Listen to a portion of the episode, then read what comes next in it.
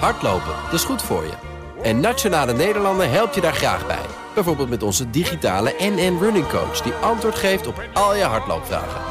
Dus, kom ook in beweging. Onze support heb je. Kijk op nn.nl slash hardlopen. De wereld volgens Hammelburg. Het wereldnieuws in vijf vragen. Hongarije moet volgens het Europese parlement in het strafbankje. Via Twitter ontving ik de volgende vragen. Vraag 1. Waarom is het Europese parlement zo boos? Omdat Hongarije, net als Polen, in de ogen van Brussel de principes van de democratische rechtsstaat ondermijnt. De oppositie wordt geïntimideerd, onafhankelijke media en de rechtbank worden de mond gesnoerd.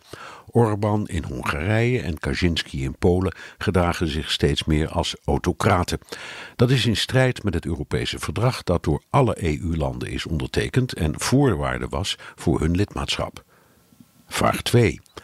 Er wordt gedreigd met het instellen van artikel 7. Wat is dat precies? In dat artikel staat dat landen die zich niet aan de afgesproken regels houden, het stemrecht in de Europese Commissie, zeg maar de ministerraad van de Unie, kan worden ontzegd. Er wordt ook gedreigd met het inhouden van de bijdrage die landen uit de Brusselse pot ontvangen. Hongarije en Polen zijn zogenaamde netto-ontvangers, dus ze krijgen meer uit de pot dan ze aan Brussel afdragen.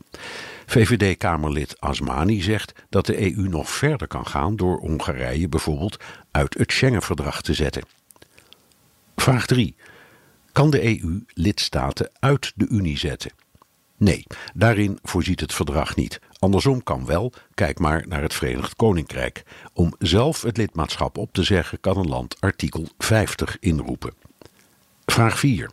De landen die onder vuur liggen hebben toch zelf en democratisch voor hun eigen beleid gekozen? Ja, dat is een lastige. De EU is een unie van democratische landen en je kunt dus eigenlijk niet piepen als die in vrije verkiezingen voor anti-Europese regeringen hebben gekozen. Alle landen zijn immers soeverein.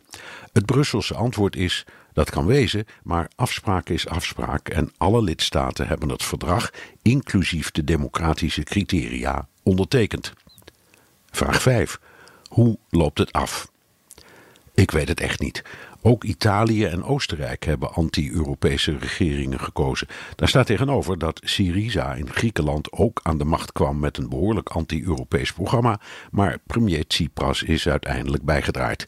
Je moet hopen dat de dwarsliggende landen inzien dat de EU over meer gaat dan migratie en Brusselse regels en dat het in hun belang is om de onafhankelijkheid van de media en de rechtbank te herstellen. Premier Rutte is er somber over. Dank voor de tweet.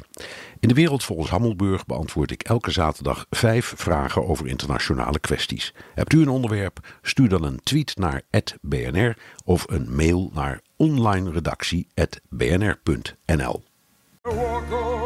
Hardlopen, dat is goed voor je.